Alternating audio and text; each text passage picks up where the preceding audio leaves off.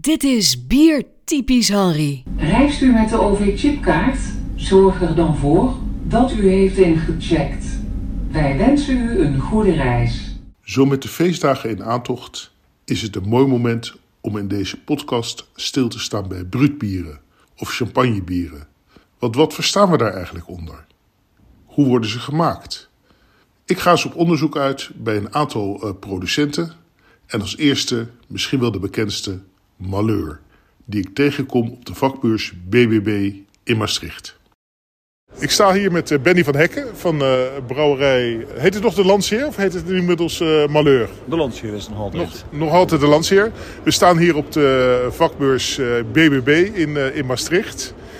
En ik ben wel heel benieuwd in, in het biertype Brut. Want daar hebben we altijd discussies over. Wat is een, wat is een, wat is een Brut? Kun je vertellen wat, wat de Malheur Brut is? Ja, dus Malheur Brut als basisbier voor de Malheur Brut is onze Malheur 10. Van zodra de Malheur 10 gebrouwen wordt, wordt het bier getransporteerd naar een champagnehuis in Epernay. Daarna wordt er champagnegestel aan de fles toegevoegd. En daarna had het bier dezelfde, het dezelfde werking als champagne, dus remouage d'égorgement. En na uh, x aantal weken is het bier klaar en kan het terug afgevuld in fles naar de brouwerij terugkomen om verkocht te worden.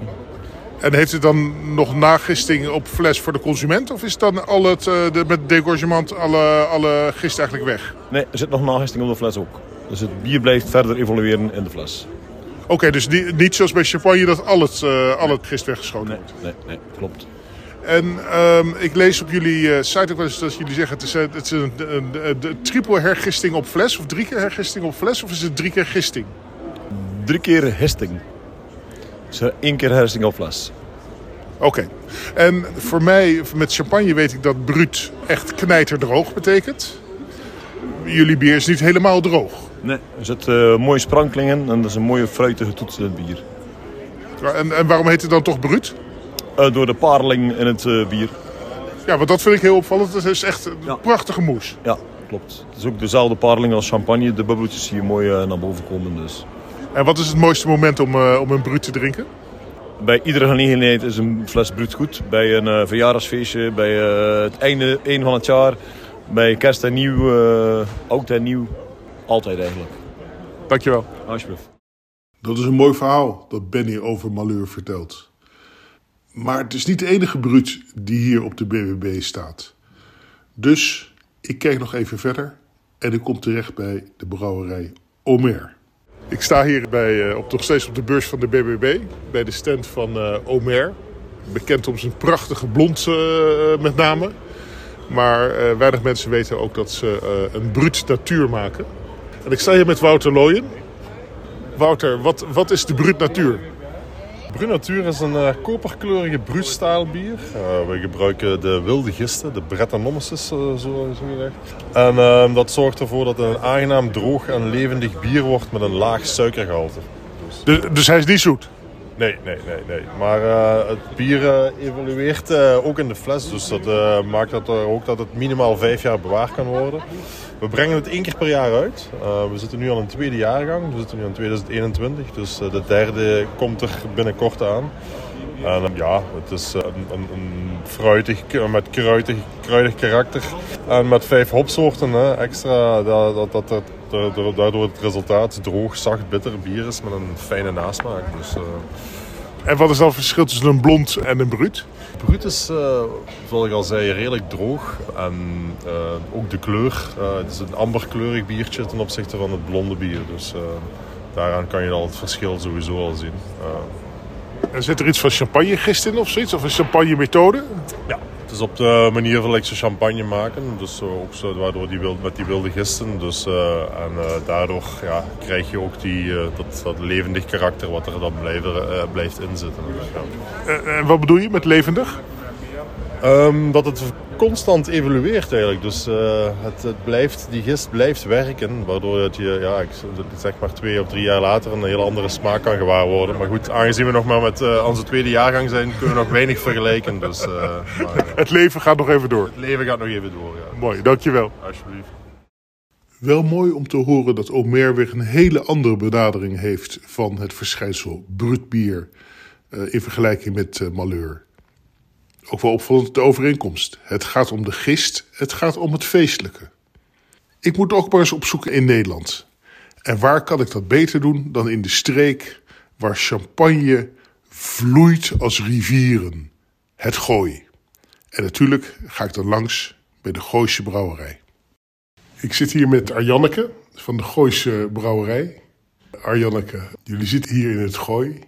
Ehm, hebben jullie ook een bruut bier? Bruut kun je op twee manieren lezen. Hè? Of die heel droog is of dat er iets met champagne in zit. En dat, eh, dat is natuurlijk, dat laatste is zeker het geval. We hebben natuurlijk ons uh, hardslopende bier hier in het Gooi, is onze Gooise bubbel. En, en dat is een bier met champagne erin? Dat is een bier met champagne gist. Maar die geeft heel erg het uh, champagne karakter. Refereert voor heel veel mensen ook aan het champagne gevoel. Zorg ook dat hij lekker veel bubbel heeft als je hem inschenkt. En hoe noemen jullie dat biertype van de Gooise bubbel? ja, ik geloof dat we het champagnebier noemen. En je zei er is ook nog een, eh, een ander bierstel, de Brut. Die maak je ook? Nee. nee, ik dacht dat je meer in de, in de sfeer zat te denken van de Brut IPA's en zo. Met extra veel enzymen en dat soort drogigheid. Maar dat, uh, dat doen we niet. dus jullie champagnebier is de, is de bubbel? Ja, de Gooise bubbel. En dat is de hardloper? Dat is uh, absoluut uh, buiten onze horeca is dat het hardlopend bier, ja. En zit dat dan ook in zo'n mooie fles met een, met een of gaat het gewoon echt om de inhoud? Het, het gaat echt om de inhoud. Nee, we kunnen helaas niet, niet afvullen met, met kurk. Dus bij ons zit er weliswaar een hele mooie top op. die champagnegist, die gebruik je ook voor de hoofdvergisting? Ja, ja. Het is een, een gist gehaald van de druiven van de champagnestreek. Dus dat is, dat is wat de champagne aan is. En dat schijnt best wel precies te komen tegenwoordig. Want uh, ik denk niet dat wij de enige zijn uh, in Nederland die momenteel de champagnepolitie uh, op zijn dak heeft. Oh, die hebben jullie ook al op bezoek gehad? in ieder geval in de mailbox gehad, ja. Omdat je zei? Omdat je het woord, de naam champagne, ja, er zit dus bovenop. Dat, dat is beschermd. Er zijn mensen die echt zeggen dat zij champagne bier maken. Nou, wij zeggen meestal dat wij bier maken met champagnegist. Dat, dat is geloof ik net eventjes het, het uh, kiertje in de deur wat mag. Oh, dat mag wel? Ja. Oké, okay. dankjewel. Oei, dat klinkt gevaarlijk. De champagnepolitie. Ik moet misschien ook wel op mijn woorden passen. Nou, we hebben drie brouwers gehoord. Drie verhalen. Drie verschillende verhalen misschien wel aardig om terug te gaan naar Maastricht, naar Pieter Gasthuis, om het laatste woord te geven over wat bruutbier nu eigenlijk is. Ik sta hier met biersommelier en stiebendocent Pieter Gasthuis. Pieter, ik heb nu al een paar bruuts geproefd en verhalen gehoord. Maar ik, ik heb ze zoet gezien, ik heb ze droog gezien. Wat is nou eigenlijk in jouw mening een bruut? En dan bedoel ik niet een grote kerel. ik wou zeggen, ik vind jou heel bruut. Maar nee, bruut, ja, ik denk dat, je dat ik het zelf zoek in, in, de, in de droge, verre uitvergistheid. En ja, wat je zegt, het kan verschillen. Soms ook wel weer in, in gebruik van wijn of champagnegisten, die, die categorie. Vooral het droge, denk ik. In die dus een beetje hetzelfde wat, wat, wat champagne doet. Dat bruut is droog. Ja, ja. In die, in, in die hoek wel. En ik denk dat ook sommige bierbrouwers in de bruuthoek gaan zitten met hun bieren om het een feestelijk tintje te geven. Om te zeggen van, wij hebben een bier bijvoorbeeld vergist met champagnegist en het is onze Huppel de Pub bruut. En om het daarmee in grote flessen stoppen, een mooie kurk erop en zeggen van, we hebben een speciaal feestbier gemaakt. Is dat bijvoorbeeld, want ik heb gesproken met Malheur, is dat bijvoorbeeld het geval met Malheur? vind ik een perfect voorbeeld. Of uh, ook van, volgens mij, Bostils komt dat vandaan. Uh, de, de Deus. Ook, ook zoiets, dat wordt ook echt in, in de Belgische slijterijen als zodanig ook echt weggezet. Van, we hebben een vierbier. Een vierbier? Voor evenementen waar we vier op zijn? Ja, nou, dat heb je in België ook nog. Het vierbier, ja. Nee, ja, dat, precies dat. Ja. Wat een heerlijk woord introduceert Pieter hier. Een vierbier. Nee, niet vier bier, maar een vierbier. Een bier om mooie momenten mee te vieren. Ik wens jullie mooie feestdagen en tot volgend jaar. Gaat het nog een beetje, meneer Reuglin?